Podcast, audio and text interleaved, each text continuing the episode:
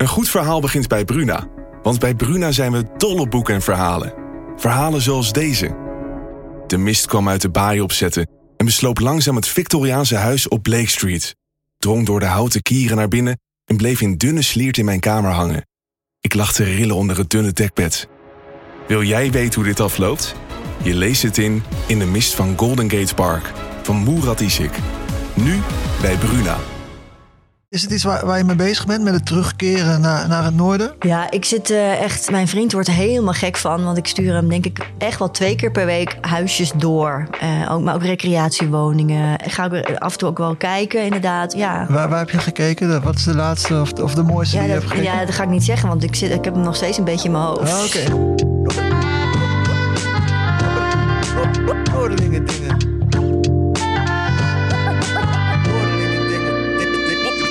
Welkom bij Noorderlingen Dingen, de podcast waarin ik praat met Noorderlingen over dingen. Ik ben Colin Mooijman en ik ben op het Mediapark in Hilversum met journalist, presentator, programmamaker en topinterviewer Janine. Noorderlingen Dingen.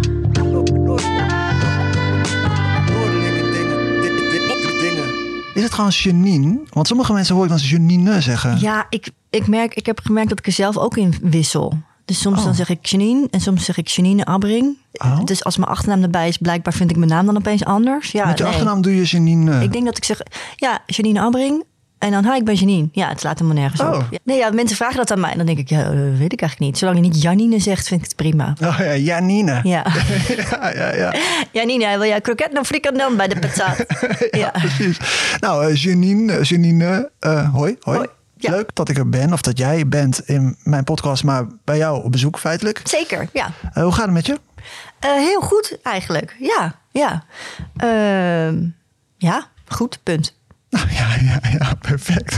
Wat wil je nog meer ja, weten? je wilde uitweiden bijna, maar misschien wijden we er later Nou, over ik wilde uitweiden over volstrekt onbelangrijke dingen die ik dan zou zeggen tegen vrienden. Zeg maar van eh, ja, nee, ik, heb met, ik had een blaasontsteking, eh, antibiotica. En dan word je dan een week, voel je niet zo lekker over. Maar of ik dat nou in een podcast, ja, ik heb het al gezegd. Ja. Weet je, dus dat, dan heb ik een soort, dan loopt er een, een, een dubbele laag mee in mijn hersenen. En dan filter ik van, moet ik dat zeggen? Nee. Maar ja, nu heb ik het al gezegd. Ja, precies. Dan gaat tegelijkertijd gaat het dan ook direct mis. Ja. ja, ja, ja.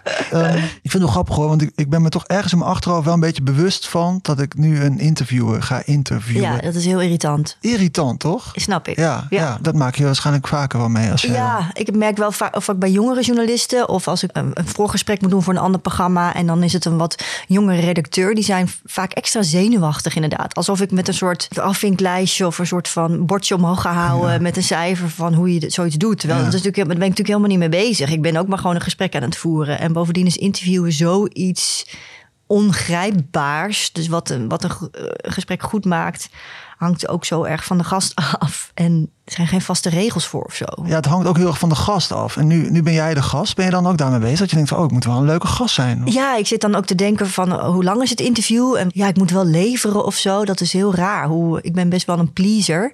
En in zo'n geval ben ik daar ook wel een beetje mee bezig. Dat ik denk, ja, ik kan niet drie kwartier uh, een beetje oppervlakkige algemeenheden lopen uitkramen. Weet je, en daar zit ook verder niemand op te wachten. Het is ook de reden waarom ik niet veel interviews doe hoor. Ik zou uh, elke week interviews kunnen geven als ik dat zou willen.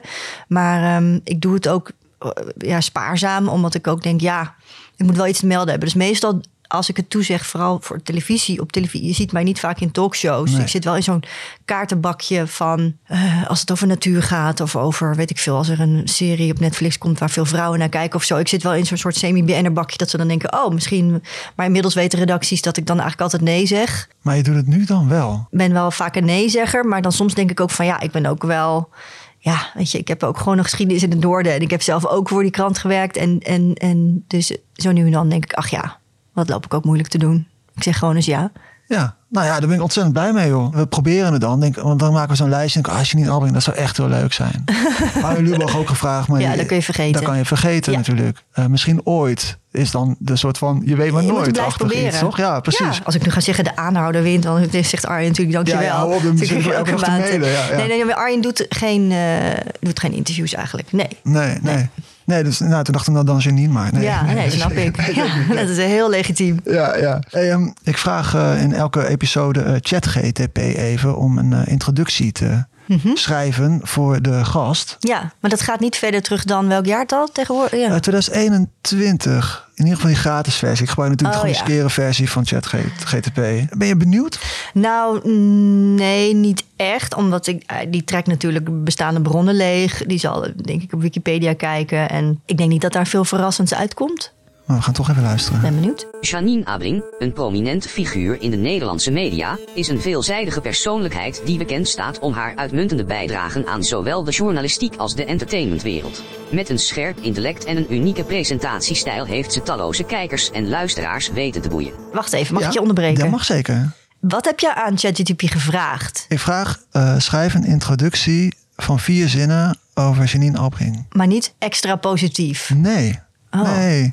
Okay. Ja, dat is het interessante daar. Ja. Haar betrokkenheid als interviewer en presentator heeft geleid tot diepgaande gesprekken met invloedrijke persoonlijkheden, waarbij ze complexe onderwerpen niet schuwt. Als een gewaardeerde naam in de industrie blijft Janine Abring ongetwijfeld een invloedrijke en boeiende mediapersoonlijkheid.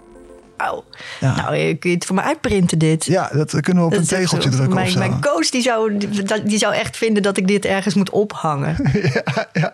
Nee, het is toch opvallend ook dat ChatGTP dan zegt uh, ongetwijfeld. Ongetwijfeld blijf jij dan een invloedrijk en boeiende dat, dat er geen twijfel bij ChatGTP dat ook Een robot niet twijfelt aan het feit dat ik niet misschien volgend jaar een hondenuitlaatservice ga beginnen en gewoon helemaal niet meer in de media iets doen. Ja, die robot is ervan overtuigd dat jij niet alleen iets doet, maar dat jij ook invloedrijk en boeiend blijft. Ja, boeiend blijven, dat is natuurlijk best wel een goede ambitie. Ja, ja, Invloedrijk, maar boeiend. ja, ja. ja. Hey, even naar de basics hoor. Je bent geboren in Groningen op 5 februari 19 7, nee, 76. Ja, ging je nou 67 zeggen? Nee, joh, nee, ik zou een soort dyscalculie-achtige problematiek. Oh, dat herken ik wel, ja. Uh, dus ik, ik, ik draai die heel vaak om. 76. Um, 76, ja. Die rekensom die ik dus al van tevoren heb gemaakt. Om 47. 47, ja. En je groeide op in Rode, mm -hmm. en, uh, dat is, uh, in Drenthe dus, en later in Warfum. Hè? Hoe was het opgroeien daar in, in Rode en, en in Warfum? En hoe, hoe, hoe, hoe vergelijk je die plekken met elkaar? Ja, het, het is grappig hoe in Nederland inderdaad hemelsbreed plekken helemaal niet ver van elkaar kunnen liggen, maar voor een puber ze toch wel heel zwart-wit kunnen zijn. En in Rode was ik redelijk beschermd doordat ik daar mensen kende, naar de middelbare school ging met mensen die ik van de lagere school kende. En, en uh, ik ben, mijn ouders zijn verhuisd toen ik twaalf was, dus ik had net een jaar brugklas al gedaan op de Wazenburg in Leek. Dat is volgens mij later allemaal Nienoord College geworden. En toen ging ik dus naar het Hoge Landcollege in Warfum. En dat was ja, dat kan gewoon. ook, al, ook al scheelt het. Nou, weet ik hoeveel. Ik, ik, heb, ik ben ook een heel slechte rekenaar. En ik heb geen richtingsgevoel. Dus ik ga niet zeggen hoeveel kilometer het is. Maar Nederland is maar klein natuurlijk. Rode Warfum. Je zou denken, is er niet verschil tussen. Maar waar de Wazenburg best wel een soort van Olili-achtige truttigheid had. Als je dat woordje nog iets zegt. Olili, ja, ja. ja. En, en van die rugzakken met van die aapjes. Daar. Rugzakken, ja. Oh ja, Kipling. Kipling dat. Ja, ja, ja. ja. Was het Hoogland College veel meer waar ze al in fietshok checkies stonden te draaien. En ik kwam daar oh, nogal bleu binnen. Ja, dus dat was voor, voor, mij als, als puber was het verschil heel groot. Het was harder in Warfum, zeg maar. Ja, ik ervaarde het als harder. Ja, ik weet niet of het echt zo was onder de streep, maar ik vond het wel pittig. Ja, ja. ja. ik las, uh, dat is algemeen bekend toch, dat je dan dat je gepest was en zo mhm. daar in die tijd. Ik las in Dagblad van het Noorden een interview en dat je zei van dat voelt ook wel als een soort karma omdat je vroeger ook wel eens iemand gepest had. Heb ik dat gezegd? Ja. Oh ja. Nou ja, what goes around comes around. Ik geloof niet letterlijk in karma, maar wel dat er een soort poëtische rechtvaardigheid in zat ergens. Inderdaad, dat ik eh, op de lagere school ook best wel een misschien een wat, wat gemener meisje kon zijn. En toen heb ik ervaren zelf hoe dat was, inderdaad. Dus uh, ik denk dat dat een goede, goede les is geweest. Ja, wel, ik vind het wel mooi, wel een bijzondere reflectie. Dat je dan denkt, oh ja, god, ja, ik was toen ook een beetje vervelend geweest en zo. En dan krijg je dat nu En dat je denkt, terug. ja, denk je, nee, ja, ja. Hoe, hoe, heeft je dat veranderd dan, zeg maar? Want dat besef kreeg je dan ook en zo. Wat, wat heeft dat met jou gedaan? Dat je niet meer dat vervelende meisje was dan? Nou, het heeft mij wel, denk ik, uh, bewust gemaakt van mijn eigen positie in groepen, maar ook de positie van anderen. En ook inderdaad hoe je. Ik ben gevoelig geworden voor, voor als mensen tot pispaaltje worden gemaakt. Niet alleen ikzelf, maar ook eh, groepsdynamiek inderdaad. Ik zal, ik zal niet snel meedoen, denk ik, aan, aan, aan, aan een... Aan een hetsen. Ja, nou ja, wie zou, wie, nou, wie, zou, wie zou nou van zichzelf zeggen van nou, ik ben iemand die dus uh, heel erg heel snoeihard meedoet aan uh, hetzes. Ja, dat is gewoon niet mijn persoonlijkheid. Maar ik ben er gevoeliger voor geworden. Dus ik zal dan sneller misschien even aan iemand vragen van... hey, gaat het? Of dingen, of iemand even erbij betrekken. Of als ik zie dat iemand wat stiller is. Misschien heb ik daar meer oog voor gekregen. Omdat ik zelf heb meegemaakt hoe, hoe kloot het kan zijn om buiten een groep te vallen. Ja, want je bent ook een pleaser. Ja, dat ben ik ook wel. Ik ben nog wel. Dat is ook als je veel mensen die gepest zijn, die ervaren dat wel. Dus dat je toch heel tijd mee bezig bent met, met kijken van wat vinden mensen van mij? Vinden ze me wel aardig? Zijn ze er niet op uit om me te pakken? Ja, dat ja. Ehm, ja. Je leert dan zeg maar pleasen, mensen naar een zin maken. Het gesprek ook zeg maar over iemand te laten gaan.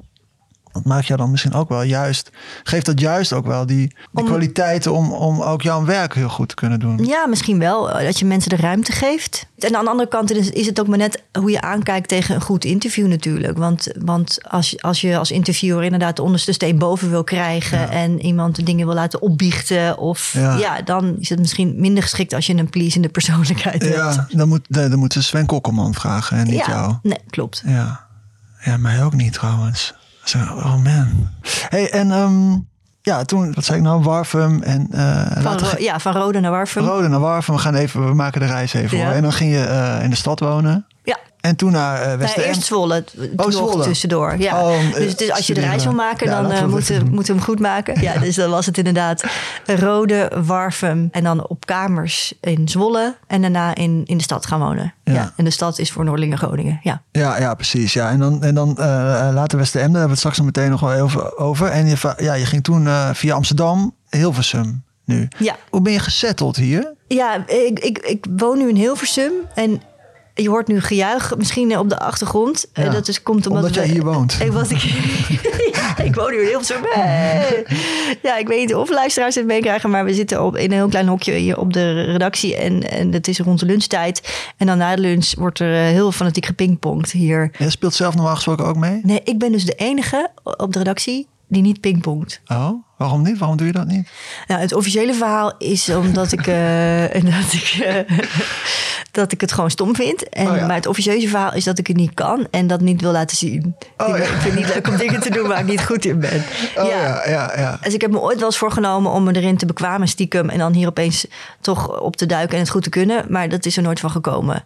Nee, ik, kan, ik heb nooit iets gekund met een bal. Ik ben echt, wat voor bal dan ook. Het is, oh nee, ik ben uh, zo onhandig. Zelfs een heel klein wit dingetje is, nee, is niet nee, aan jou het is besteed. Niet, niet aan mij besteed, nee. Ja. Wacht even, we hadden het over. Ja, heel veel. Maar ja, ik Oh ja, ik vroeg of je, of je kan hier, zeg maar. Of want- ik hier gezetteld ben. Ja. Nou ja en nee. Ja, in die zin is dat ik een super fijn huis heb weten te vinden. Wat eh, best wel lelijk was, maar waar, waar ik doorheen kon kijken. En, en, en daardoor kon ik het be- betalen. Het, ligt aan de rand van de hei en het bos. En dan denken mensen: wow, die omring is echt binnen. En die woont in Hilversum. Maar het is, eh, het is niet een heel chique buurt, zeg maar. Eh, het is een hoekhuis. En, maar ik kijk dus op het bos en ik kan de achterdeur uitlopen. En dan loop ik het bos in en de hei op. En dat, dat is echt heerlijk. En ik heb heel erg leuke buren. Super lieve, behulpzame mensen. Dus op die vierkante meters voel ik me heel fijn. Maar het is niet zo dat ik een Hilversumse ben. Of dat ik me thuis voel in de zin van dat ik denk... oh ja, dit is mijn eindstation of mijn woonplek of zo. Het is raar om te zeggen, want het is natuurlijk wel mijn woonplek. Maar het is niet zoals in Westeremden bijvoorbeeld. Dat ik, dat, dat ik me daar thuis voelde. En ik ben nog niet heel erg geworteld. Het is echt een soort compromis waar ik nu, waar ik nu zit. Compromis met mezelf van... Ik, wilde, ik heb Amsterdam geprobeerd. Dat was niks voor mij. Ik ben gewoon geen stadsmens. Ik moet snel, ik moet toegang hebben tot natuur. Ik wil, ja, ik wil die natuur snel in kunnen. En zeker ook met een hond is, vind, ik dat, vind ik dat zelf heel fijn. Dat je niet op een soort plotje loopt. Maar ik kan gewoon lekker dat bos in. En het is super praktisch, want ik maak lange dagen als ik voor de avondshow werk. En, dan, eh, en nu wandel ik in 10 minuten naar huis. Ja, dat is natuurlijk te gek. Maar als al die praktische overwegingen er niet zouden zijn, dan zou ik inderdaad in Drenthe of in Groningen wonen. Ja, maar misschien komt dat ooit. Ehm, even over jouw, eh, jouw loopbaan. Ja, we gaan van de hak op de tak. Hè? Ja. Na je studie eh, journalistiek ging je bij eh, de voorloper van Dagblad van het Noorden hè? De Groningen, Ja, Groningen Courant Groningen- of zo, nee, toch? nee, nee. Groningen Krant, hoe heet dat ding? Courant, ja, weet ik veel. Nee, want nu heet het het Dagblad Noorden en toen Ja. heet het Groninger Dagblad. Oh ja, ja. Want je had ook Nieuwsblad, toch? Ja, dat duurde het van het Noorden en het Groninger Dagblad. En nu heet het het Dagblad van het Noorden. Ja, precies. Die zijn gefuseerd. Maar toen scoorde je in één keer die gekke hit. Mhm. Dat was terwijl je dus bij die, bij die krant werkte, hè? Ja.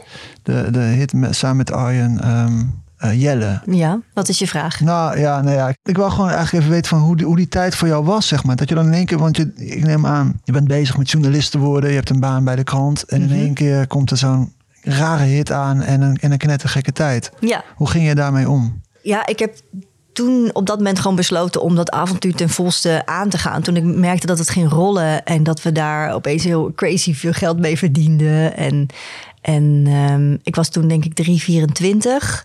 Arjen is, is drie, vier, vijf jaar jonger dan ik. Dus die was helemaal. We horen weer gejuich op de achtergrond van de, van de pingpongtafel. Um, dus ik heb toen op een gegeven moment besloten. Ja, ik werkte toen voor, Groningen, voor het Groningen Dagblad. Groningen Dagblad Stad, dus de stadsredactie. Die had toen nog echt een, heel vet leuk kantoor eh, naast het provinciehuis. Dus op een fantastische plek. En ik had het daar heel erg naar mijn zin.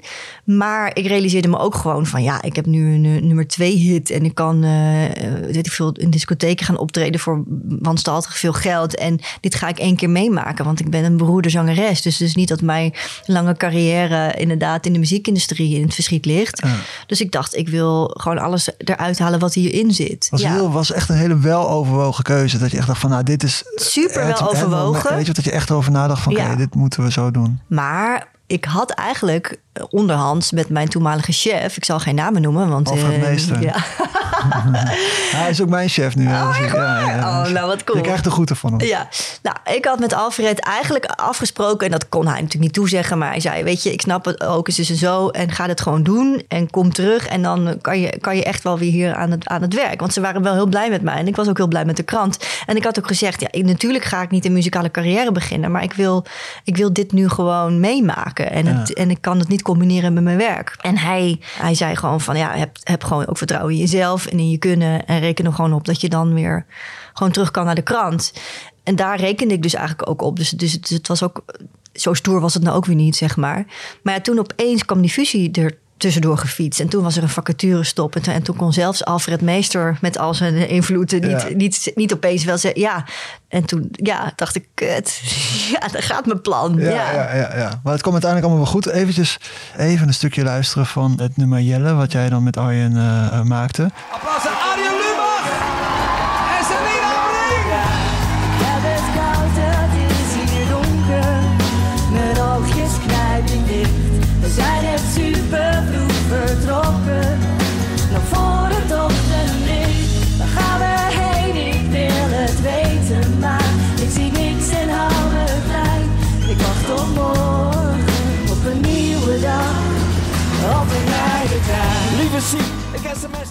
Ja, dat, dat was gewoon heel, heel grappig. Ik vind, ik vind die, die periode dat we al die optredens deden en, en de discotheken bij langs reden met onze tourmanager Bob in, uh, in een grote Mercedes en ik in weet ik veel bij Top of the Pops en, en, en koffietijd en zo aan het optreden was dat, dat was echt fantastisch. Dat, die, die hit en die discotheek en alles en dus zeg maar het zicht dat eigenlijk bij de krantwerken niet het enige was wat, wat er bestond. Wat heeft dat bij jou geopend, zeg maar, die, die fase? Heeft, of heeft dat iets bij jou geopend? Een soort, je denkt van wauw man, het is van alles mogelijk hier eigenlijk. Nee, ik was in de journalistiek ook heel blij. En ik heb het e-, toen echt gezien als een soort tijdelijke, tijdelijk uitstapje, een grappig avontuur. En zoals ik zei, ik was eigenlijk gewoon van plan vastbesloten om dan uh, tot aan de zomer een beetje die optredens te doen. En dan gewoon de stekker uit te trekken. En dan lekker naar de krant weer te gaan en daar te gaan werken. Omdat ik het daar heel erg naar mijn zin had. Het was een heel leuk, uh, leuk team waar ik toen mee werkte. Met allemaal mensen die nu ook... Uh, Mick van Wely bijvoorbeeld, die nu misdaadverslaggever bij Telegraaf is. Mick zat er. Nou, Alfred dus. Ja, dat was echt een heel leuke club mensen. Dus ik weet, ik was misschien iets stoerder in de zin dat ik, um, ik moest toen gaan solliciteren, want ik kon niet terug naar de krant vanwege die fusie. Toen heb ik gesolliciteerd bij de UK. Dat was toen nog een echte krant. Nu is het volgens mij alleen online. Mhm. De universiteitskrant en bij RTV Noord. En ik weet wel dat ik bij RTV Noord in een van de eerste gesprekken wel durfde te zeggen, want het was voor een radioverslaggeversfunctie, dat ik zei, ja, prima, maar ik denk ook wel dat ik geschikt ben voor televisie. En ik, dat kwam denk ik wel een beetje voort uit dat avontuur wat daarvoor lag. Dat ik, dat ik merkte inderdaad wat ik durfde en wat ik kon. Dat ik me op zo'n podium, uh, ja, nou, thuis voelde is niet helemaal het juiste woord, maar dat ik dat durfde. Ik heb toen wel gedacht van, nou, als ik dit, als ik dit durf, voor een volle discotheek, een beetje zo'n uh, slecht nummer ga staan doen. Alles wat daarna komt, uh, kan eigenlijk niet enger zijn. Dus ik denk dat in die zin heeft me het geholpen om misschien zo'n ambitie van dat ik, dat ik ook wel televisie zou willen doen om dat uit te spreken. Ja. Dat je misschien ook een soort schroom verloren of zo. Ja, of ja, iets wat zekerder werd misschien. En, en ook gewoon dacht van ja, waarom, waarom niet? Ja. En toen ging je bij Edwin Noord werken dus. Mhm. Ik ben even bij uh, de collega's van Edwin Noord langs gegaan. Serieus? En um, ontmoette daar een corrivee. Kom binnen. Hey, dank Zullen we naar boven? Ja, ja. ja. Ik was op zoek naar iemand die uh, Janine kent van, van vroeger, van uh, haar tijd hier bij uh, RTV Noord. Nou ja, ik begon bij jou en ik, ik eindigde ook direct bij jou. ja, dat klopt. Maar eigenlijk ken ik haar al van net voordat ze hier bij uh, RTV Noord kwam werken. Toen ze dat hitje had. Toen heb ik haar een keer geïnterviewd. Dat vond zij niet echt een leuk interview. En volgens mij deed ik een beetje lelijk tegen haar. Ik weet eigenlijk niet waarom. Het liep niet. Ik deed niet aardig. Zij vond het niet leuk. En dat is een beetje raar dat dat het allereerste contact tussen ons was. Want toen zij hier kwam werken bij Noord en uh, ook later, hebben wij uh, echt uh, heel goed contact gekregen. En toen zij hier dan zo ehm, rondliep, de beginfase eigenlijk wel van haar carrière, zeker in haar radio-televisiecarrière, haar beginfase. Had je toen ook wel echt het idee van, nou, dit, dit kan wel eens een hele grote gaan worden? Niet meteen. Nee, maar het was wel duidelijk dat ze um, enorm creatief en uh, origineel was in haar ideeën en ook in de uitvoering. Dat vind ik nog steeds haar grote kracht en talent. Ze kan het niet alleen heel goed interviewen en is heel slim en intelligent en zo kan ik nog 30 dingen opnoemen. Maar ze is zo origineel in wat ze bedenkt. Dat hadden niet veel mensen bij Noord. En uh, ja, daar kun je ver mee komen, dat is gebleken. Wat, wat, voor, wat voor manier werd ermee omgegaan, zeg maar? Met, met toch een soort bravoure wat er misschien in zit? Ja, dat, ik vond het hartstikke leuk. Maar ik denk dat niet iedereen dat hier heel leuk vond. En er waren ook wel momenten dat uh, mensen, lees leidinggevenden, dachten: Nou, uh, ga maar even terug in je hok. Dus dat zij al haar ambitie en, en, en ideeën en zo uh, niet kwijt kon. Op een zeker moment dreigde het zo te worden dat ze aan het bureau moest gaan zitten productie doen voor andere programma's. En toen is ze naar de hoofdredacteur gegaan en heeft gezegd: Nou, daar heb ik geen zin in. Ja, nou ja, jammer dan. En toen heeft ze gezegd: Nou, dan ga ik weg. Ja, dat is heel stoer. Ja, ja, heel stoer, hè? Ja. ja. ja. Heb, jij, heb jij een vraag voor Janine? Ja, een heleboel.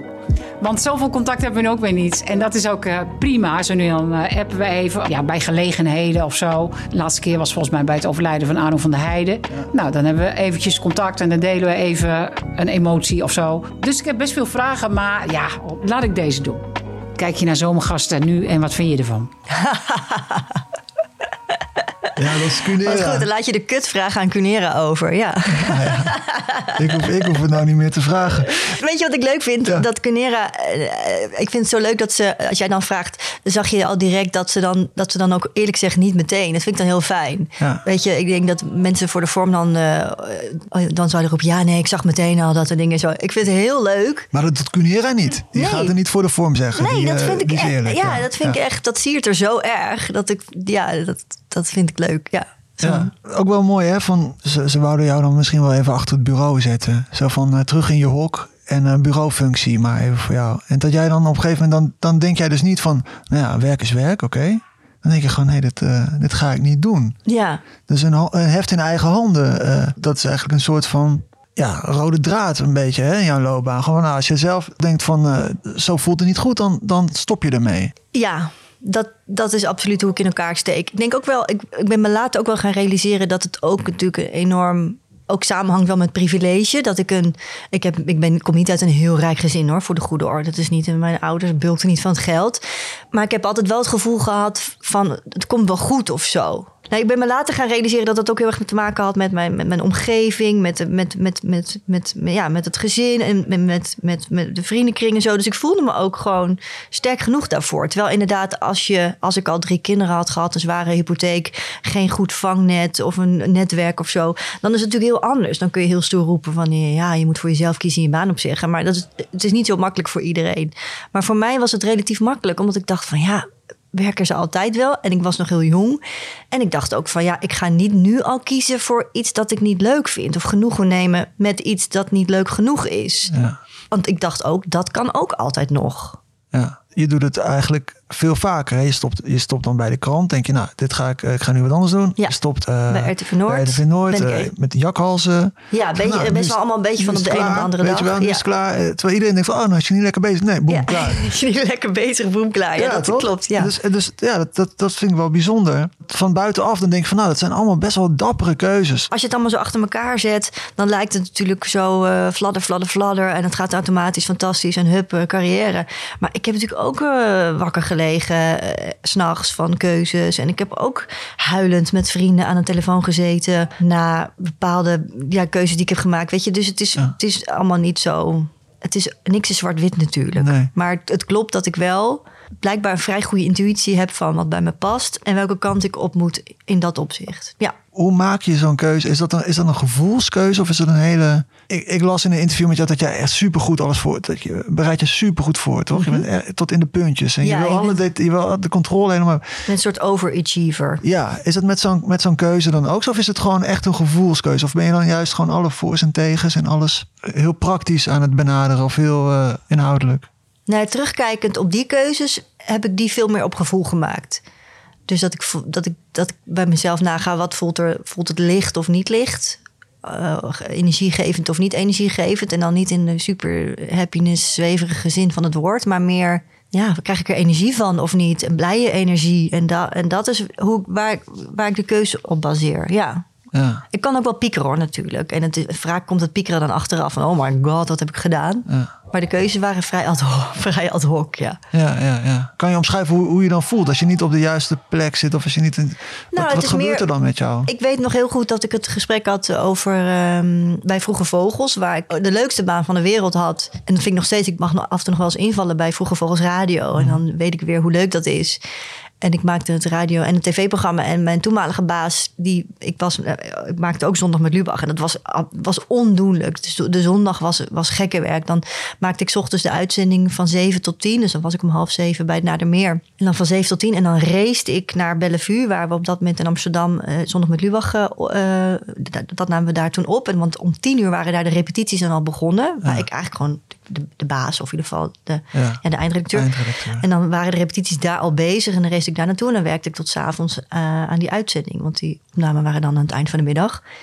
En mijn baas bij BNNVARA die zag terecht... dat dit kan niet samen gaan. Je moet kiezen. Ja. Ik denk dat hij toen ook wel van overtuigd was... dat ik zou kiezen voor Vroege Vogels. Omdat dat mijn eigen programma was. Toen dacht ik van ja... De zekere keuze zou nu inderdaad zijn hier blijven bij Vroege Vogels, waar ik het ook heel erg naar mijn zin heb. Maar het idee dat het Zondag met Lubach zou gemaakt worden zonder mij, dat kon ik niet eh, verkroppen. En dat is misschien meer dat ik denk van ja, wat, wat, waar kan ik niet zonder? Ja, dat was heel, dat was heel duidelijk. Ja. Ik kan me ook voorstellen als je zo'n programma maakt, ook met, eh, met Arjen. Een heel klein ploegje mensen toen nog. vriend of zo, toch? Ja, een soort zeker. unieke relatie die je met hem hebt. Nou, ik weet zo? of we unieke relatie Nou, hebben. Wij hebben gewoon heel, relatie. heel goede vriendschap. Ja, Ja. maar al heel lang en ook, Ja. en ook professioneel. En, en, en zeker. Ja. Ja. toch een soort Carlo en Irene. Of een soort. eh, toch? Nee, maar zoiets toch? Ja. Zo'n gevoel heb ik daar in ieder geval bij als ik daar zo van buitenaf naar kijk. Ja, en dat, dat geldt toch voor een paar mensen me- meer natuurlijk. We, we maakten het toen met een heel klein clubje mensen... met wie ik allemaal een heel goede band had. En het was zo leuk om te doen. En, en ik, er keken toen helemaal niet zo heel veel mensen naar. Dus het was ook inderdaad voor de buitenwereld ook weer een rare keuze. Want het was een beetje een, een gek comedyprogrammaatje op NPO 3 eh, in, in de marge... Maar ik, had- ik had er echt heel veel. Ja, ik geloofde er echt in. Ik dacht echt van ja, maar dit, dit wordt fantastisch. Ik, wist, ik dacht niet eens van het wordt heel groot. Want ik dacht, nou, misschien blijft het gewoon voor een niche. En dan is het ook prima. Vroege Vogels maak je natuurlijk ook met hart voor natuur en milieu en dierenwelzijn. Ja. En op die manier de wereld een beetje mooier maken. Maar het, het is soms ook wel preken voor eigen parochie. Terwijl met comedy kan je ook nog weer nieuwe mensen beïnvloeden en bereiken. Je kan allerlei En thema's ja. natuurlijk via die Ja. humor kan je natuurlijk uiten. Ja. Ja. Jij werkt keihard, hè? Ehm, ja. Ben je een workaholic-achtig type? Is dat harde werken, ga- gaat het je ook wel eens tegenwerken? Ja, nee, ja, tuurlijk werkt het me tegen. Ja, ik ben eind vorig jaar in een soort van bijna burn-out eh, beland. Ik heb gelukkig, zeg ik, dat het klinkt misschien raar, maar ik heb gelukkig al eens een echte burn-out gehad aan het eind van mijn studie. En, uh, dus gelukkig in de zin van je voelt het dan aankomen of ja, zo. je kent de symptomen. Je weet, um, want dat is, dat is wat, wat overspannen zijn of burn-out is. Is dat je de signalen of niet herkent. Of je herkent ze wel, maar je blijft ze negeren. En dan op een gegeven moment is het natuurlijk een, een, spiraal naar beneden. Dus ik herkende de, de ernstige signalen in het, daarin. Dus toen heb ik, ik zou eigenlijk, um, ik werkte normaal inderdaad het voorjaar dan. In dit geval, eerst me nu dan avondshow. En dan in de zomer zomergasten. En dan najaar weer avondshow. En dan wintergasten.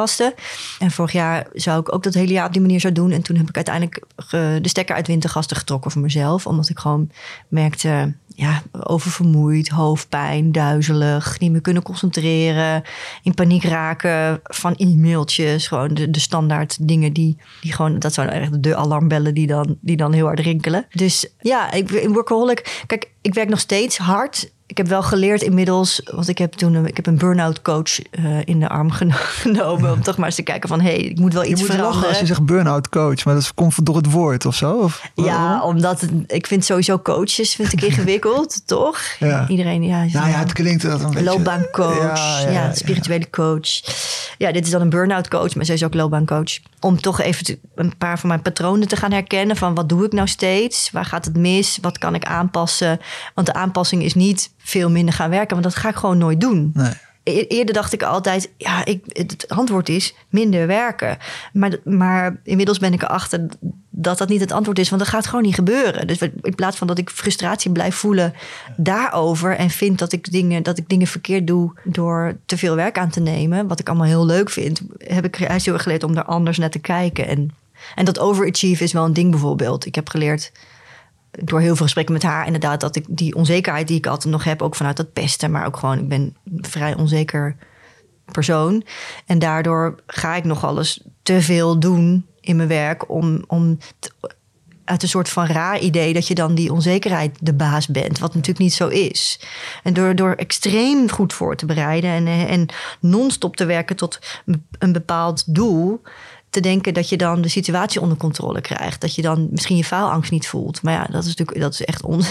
Ja. echt, echt onzin. Daar kom je dan achter als je dan tegen de muur uh, aan. Ja, ja. Waar, waar, waar, ben jij onzeker over? Waar, waar, zit, waar zit die onzekerheid in bij jou? Ja, ja dat, dat, dat kan ik lastig uitleggen. Maar het is toch altijd een beetje nog dat imposter syndroom. En toch bij elke keer weer dat ik denk van ja, nu, nu kom ik er, komen mensen erachter of kom ik er zelf achter dat ik het toch eigenlijk niet kan. Of, of um, het zorgt er ook voor dat je natuurlijk scherp blijft en dat ik niet in routines verval. En ook, er is niks mis met je best doen. Nee, maar dat, ja. dat het dan gepaard gaat met dat je je onzeker voelt. Heb je dat altijd al gehad, het gevoel van, van onzekerheid in je of zo? Of is dat, of, of is dat gegroeid? Of? Um, weet ik eigenlijk niet. Of ik het altijd al heb gehad. Nou, bij RTV Noord was ik denk ik niet heel onzeker. Misschien is het bij de, de, de Wereld Door was een harde leerschool dat zal geen goed hebben gedaan, denk ik, voor mijn, voor mijn zelfverzekerdheid. Dat was wel een. Uh... Ja, omdat het daar ook zo hard en, en akelig dat, ja, toe ging. Ja, ja, dat, was, dat was een harde. Gezegd en geschreven. Ja, dat was, dat, was, dat was geen makkelijke werkomgeving. Dus, maar aan de andere kant, ja, heb ik daar ook weer veel geleerd. Ja, ik weet niet hoe lang ik dat. Ja, ja het, is, het is nou helemaal. Het is ook weer niet uh, wereldschokkend erg.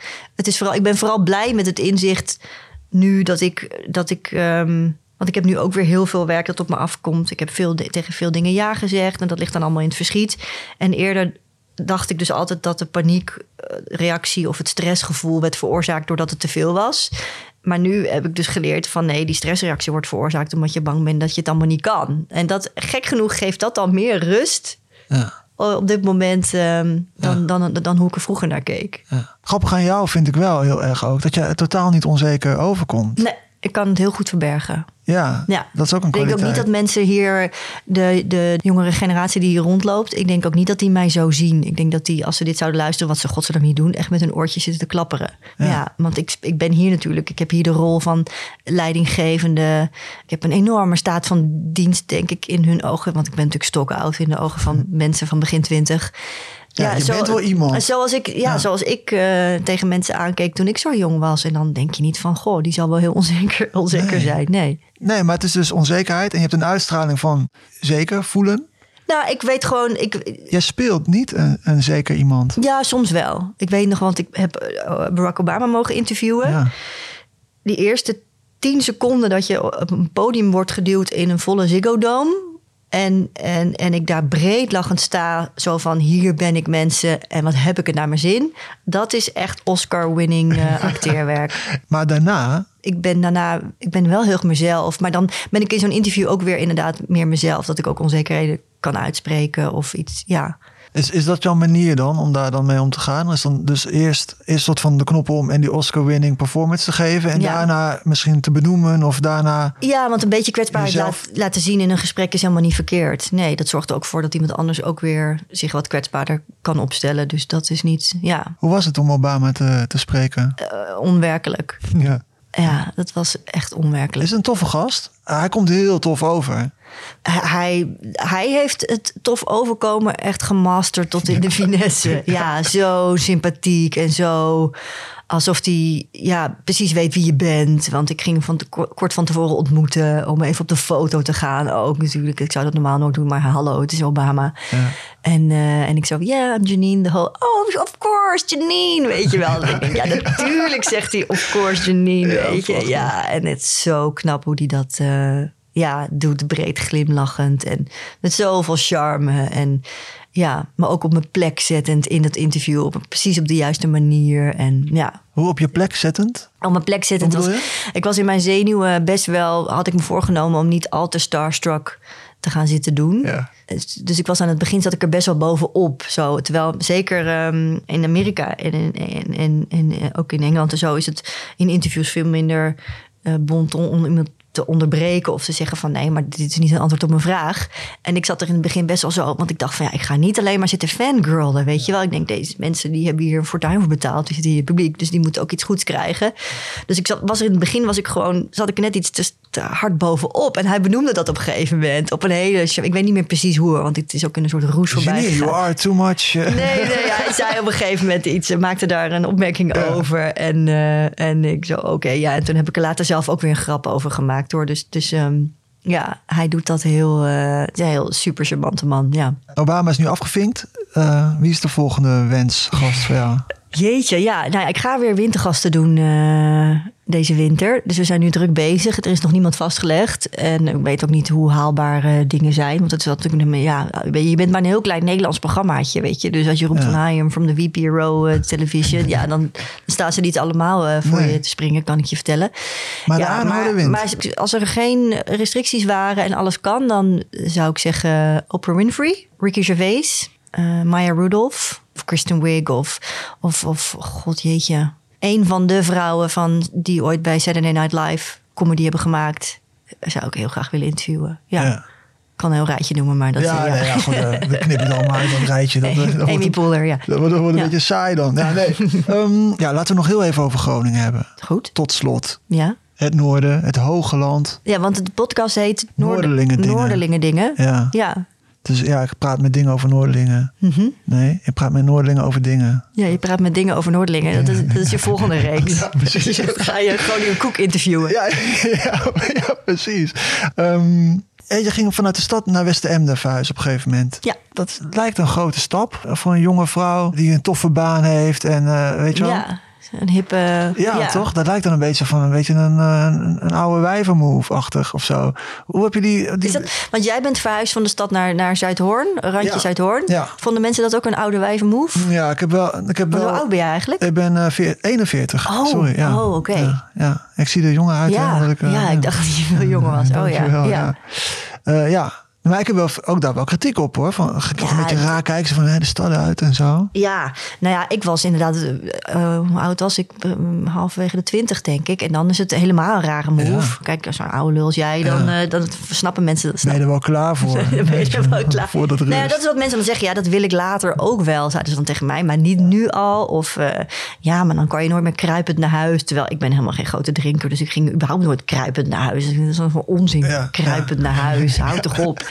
Alsof dat uh, je doel in het leven ja, moet zijn. Het summum, ja. ja. Kruipen naar huis. Toch? Nou, ja. What the fuck? Ik heb het nooit begrepen, die kritiek. En ik dacht ook altijd, ik, ik werd er ook altijd een beetje opstandig van. Dat ik dacht van, ja, ik heb bijvoorbeeld geen kinderwens. Maar als jij, als, als jij als iemand aan mij vertelt van ik ben zwanger, dan zeg ik toch ook niet van uh, jeetje, zou je dat wel doen? Dikke enkels, uh, uit, totaal uitgerekt aan alle kanten. Uh, de eerste zoveel jaar heb je geen slaap. Gezeik aan je kop. Ik dacht, dat doe ik toch ook niet. Dan denk ik, het is niet mijn keus, maar dan ben ik toch ook blij voor jou. Maar blijkbaar heel veel mensen in mijn omgeving voelden zich gewoon vrij om al hun eigen angsten en bezwaren op mij te projecteren en te roepen dat ik dat vooral niet moest doen. Dat, dat is me heel erg bijgebleven van, van die periode. En ik dacht, ja, ik ga het gewoon proberen. En als het niet bevalt, dan verkoop ik het weer en dan ga ik weer terug. Maar ik heb nooit één seconde spijt gehad. De Westen was fantastisch. En die plek is fantastisch. En ja, om buiten te wonen. Ja, ik heb daar gewoon. Ja, maar dat is ook weer zo'n energie, eh, intuïtie, gevoel van niet luisteren van wat. wat ja, sta, misschien status ook wel weer op, in zekere zin. Dus wat andere mensen denken dat je zou moeten doen op die leeftijd. Of wat belangrijk is. Maar dat ik dacht van ja, maar wat wil ik dan? Wat vind ik belangrijk? En ik vind het veel fijner om in drukte te werken en in rust te wonen. En daar heb ik me altijd aan gehouden. Nou, dat is niet helemaal waar, want ik ben dus uiteindelijk naar Amsterdam gegaan. Ja, uit nood. Want mijn, ik heb wordt mijn rug gebroken in, eh, tijdens de opnames van Wie is de Mol. Ja. En toen merkte ik die lange autoritten, dat, ja, dat ging gewoon niet meer. Dus ik reed heel veel heen en weer tussen Westen-Emden en Amsterdam of Hilversum. En dat, ja, dat is gewoon met rugpijn gewoon niet, uh, niet, handig. Dus ik heb ook weer een soort opwelling toegedacht van... nee, ik moet toch het huis kopen. En toen dacht ik van dan ga ik van het ene uiterste naar het andere uiterste. Dan kies ik voor Amsterdam. Dan wonen veel vrienden. En dan ga ik kijken hoe dat bevalt. Dus daar ben ik een beetje van mijn eigen, ja, mijn eigen geloof gevallen. Nee, hoe zeg je dat? Toch nou een beetje aan de norm gaan voldoen. Dat ik dacht van ja, want heel iedereen roept toch van Amsterdam. Dat is het helemaal. Dus misschien is dat ook wel zo. Maar dat was ook onzin, want dat is voor mij helemaal niet. Nee. dat voelde je eigenlijk al wel. Dat wist je wist eigenlijk, ik eigenlijk ook al wel. ja. Maar toch even geprobeerd. Toch even geprobeerd, ja. ja. En wat, wat, wat is er zo mooi? Want je zegt, ja, WSM is allemaal zo mooi en zo prachtig. Wat maakt die plek voor jou zo, zo speciaal dan? Wat, waarom is dat zo mooi? Nou, dat is gewoon als, als alle, alle randvoorwaarden goed zijn. En ook weer buren. Ik merk wel dat buren voor mij heel belangrijk zijn. Eh, blijkbaar in die zin. Dat, ik, dat, je, dat je merkt van. Dat je weet dat je met mensen kan aankloppen als er iets is. En ik ben nogal een brokkenpiloot. Ik heb nogal vaak dingen. Ik ben, ja, dus dan. Buren zijn vrij cruciaal in mijn leven. Recentelijk nog eh, een stuk van mijn vinger afgesneden. En dan staat er meteen een buurvrouw op de stoep. Die godzijdank eh, op de IC werkt. En die mij dan kan opvangen. Of twee maanden geleden nog mijn hele benedenverdieping blank. En toen stonden mijn buren om kwart over één s'nachts. De pechvogel heeft goede buren nodig. Ja. de pechvogel heeft goede buren nodig. Dus dat, uh, en dat was in Westeremde ook. Dat was een heel hecht uh, clubje van uh, ja, zes. Ik woonde dan buiten, buiten het dorp. Wel in het dorp natuurlijk is die gemeenschapszin ook heel hecht. Ik was iets minder onderdeel daarvan.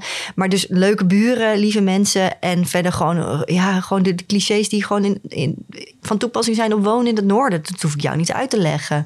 Toch uitzicht hebben, letterlijk en figuurlijk. Ver kunnen kijken dat het uh, stil is. Stilte. En vogels. I know. Ik zie een keer buizerds en zo in de tuin en zo. Dat is echt een, echt een wereld van. Ik vind musjes ook leuk en zo. Maar als dan een buizerd zo gewoon op, op, op twee meter van je land. Dat is toch wel een heel ander gevoel. Ja.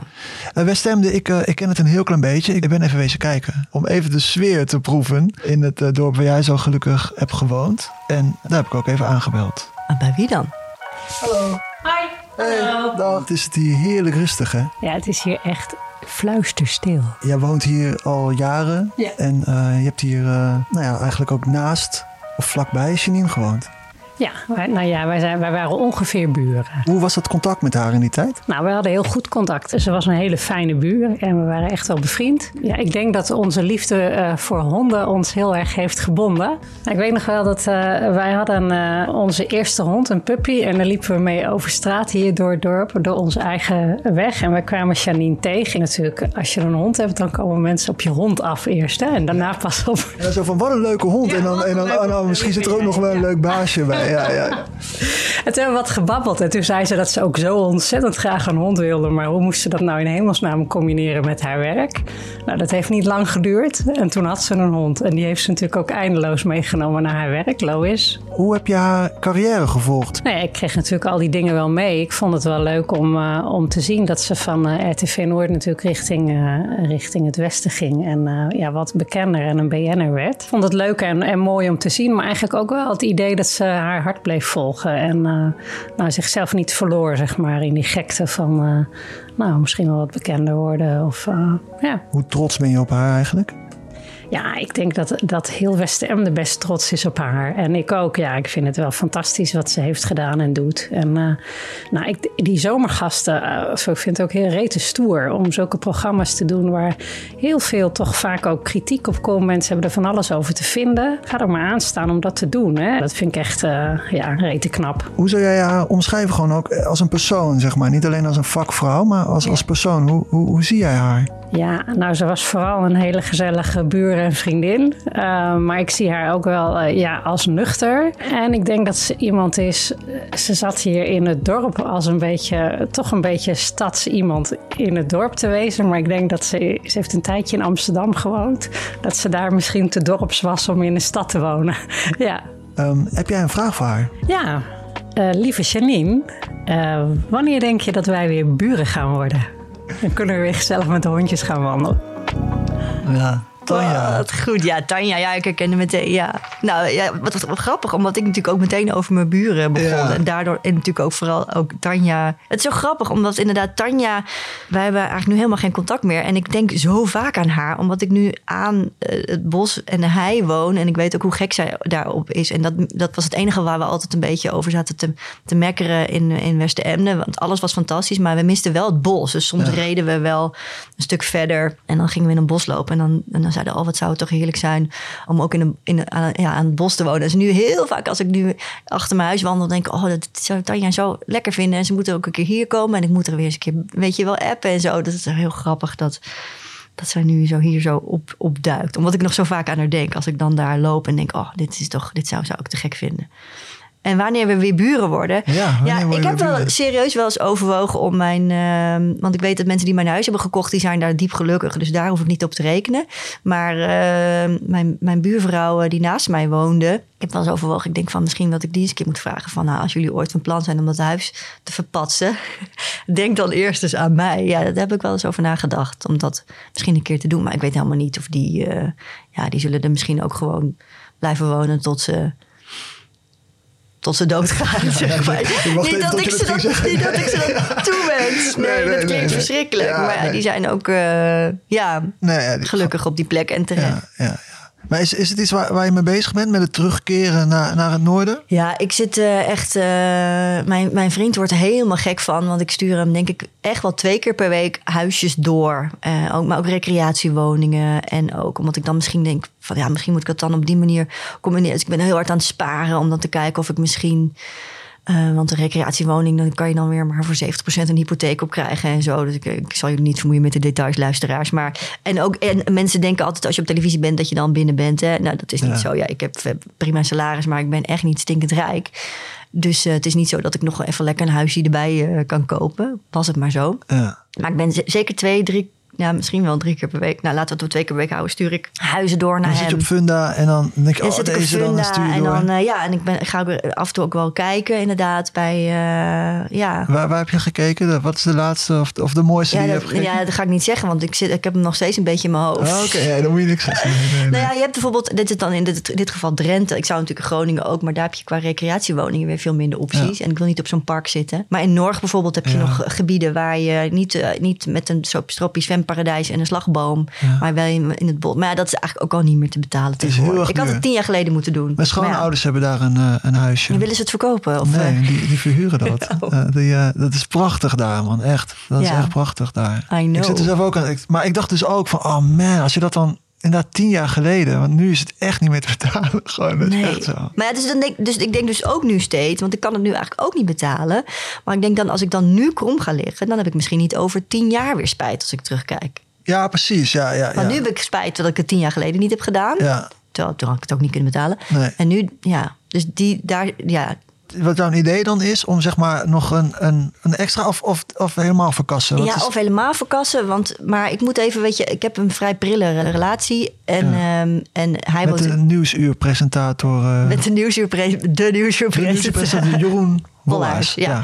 En Jeroen woont in Amsterdam. En wij gaan niet samen wonen, want dat willen we allebei niet. Maar een combinatie van inderdaad eh, Amsterdam en dan een huis in Drenthe of zo, weet je. Dat zou natuurlijk eigenlijk ideaal zijn. Ja, maar ik kan ook niet de hele tijd heen en weer rijden. Nou ja, goed, zo ben ik de hele tijd eh, Maar je bent wel een beetje die, die aantrekkingskracht van het noorden. Dat, dat, Zeker. dat heb jij nog helemaal. Is er onmiskenbaar. Onmiskenbare aantrekkingskracht. van het noorden. Uh, ja, nou ja, geboren in Rode, hè, Warfum, Stad, Westeremde, Amsterdam, Hilversum, Zwolle nog tussendoor. En ooit dus een keertje waarschijnlijk wel weer terug. Een echte Noorderling ben je. Ja. Wat maakt jou die echte Noorderling? Wat is, wat is jouw Noorderlingen ding? Ja, daar, daar heb ik geen antwoord op. Ik vind het ook een hele westerse vraag. Het is zo grappig dat dat... Van een Noorderling komt. Ja. ja. Wat maakt jou een echte Noorderling? Nou, ik, ik, voel, ik voel me gewoon heel verbonden met, met het Noorden. Ik voel me gewoon verbonden. Ik voel me daar heel erg thuis. Ja, maar dat heb ik ook al gezegd natuurlijk. Dus dat is dan eigenlijk ook mijn antwoord. Ja, ja maar ik sluit het dan een beetje af elke keer, weet je wel. Zo. Van dan is het eventjes rond zo van, oh ja, komt het muziekje erin. En dan zeg jij nog iets romantisch. Ja. Over jouw... jouw Laat je eh, dit er allemaal in? Dat zou ik heel leuk vinden. Ja, waarschijnlijk wel. Ja.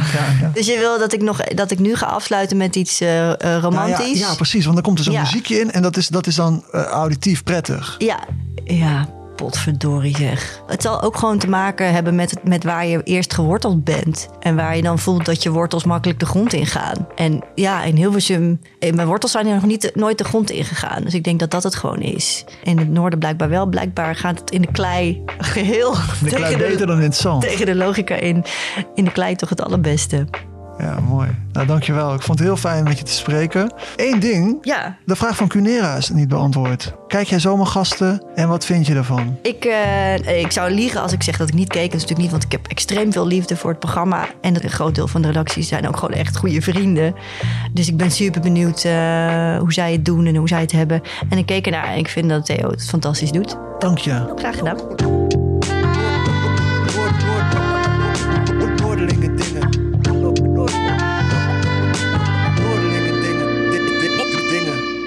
Hey, tof dat je luisterde naar deze aflevering van Noorderlingen Dingen, een podcast van Dagblad van het Noorden.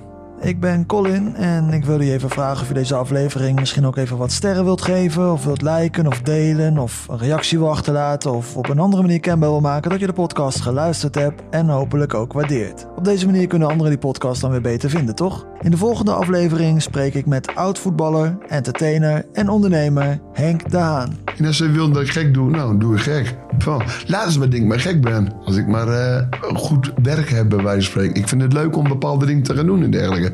Ik kan me bepaalde dingen wel aanpassen. Ja, ik kan me echt wel aanpassen. En die, die, die kwaliteit van het je kunnen aanpassen aan situaties, waar, waar, waar komt dat vandaan, zeg maar? Ik niet weten, jongen. Ik ben best wel slim misschien. Ja, maar zo ja ik begon ook wat te nemen. Hè.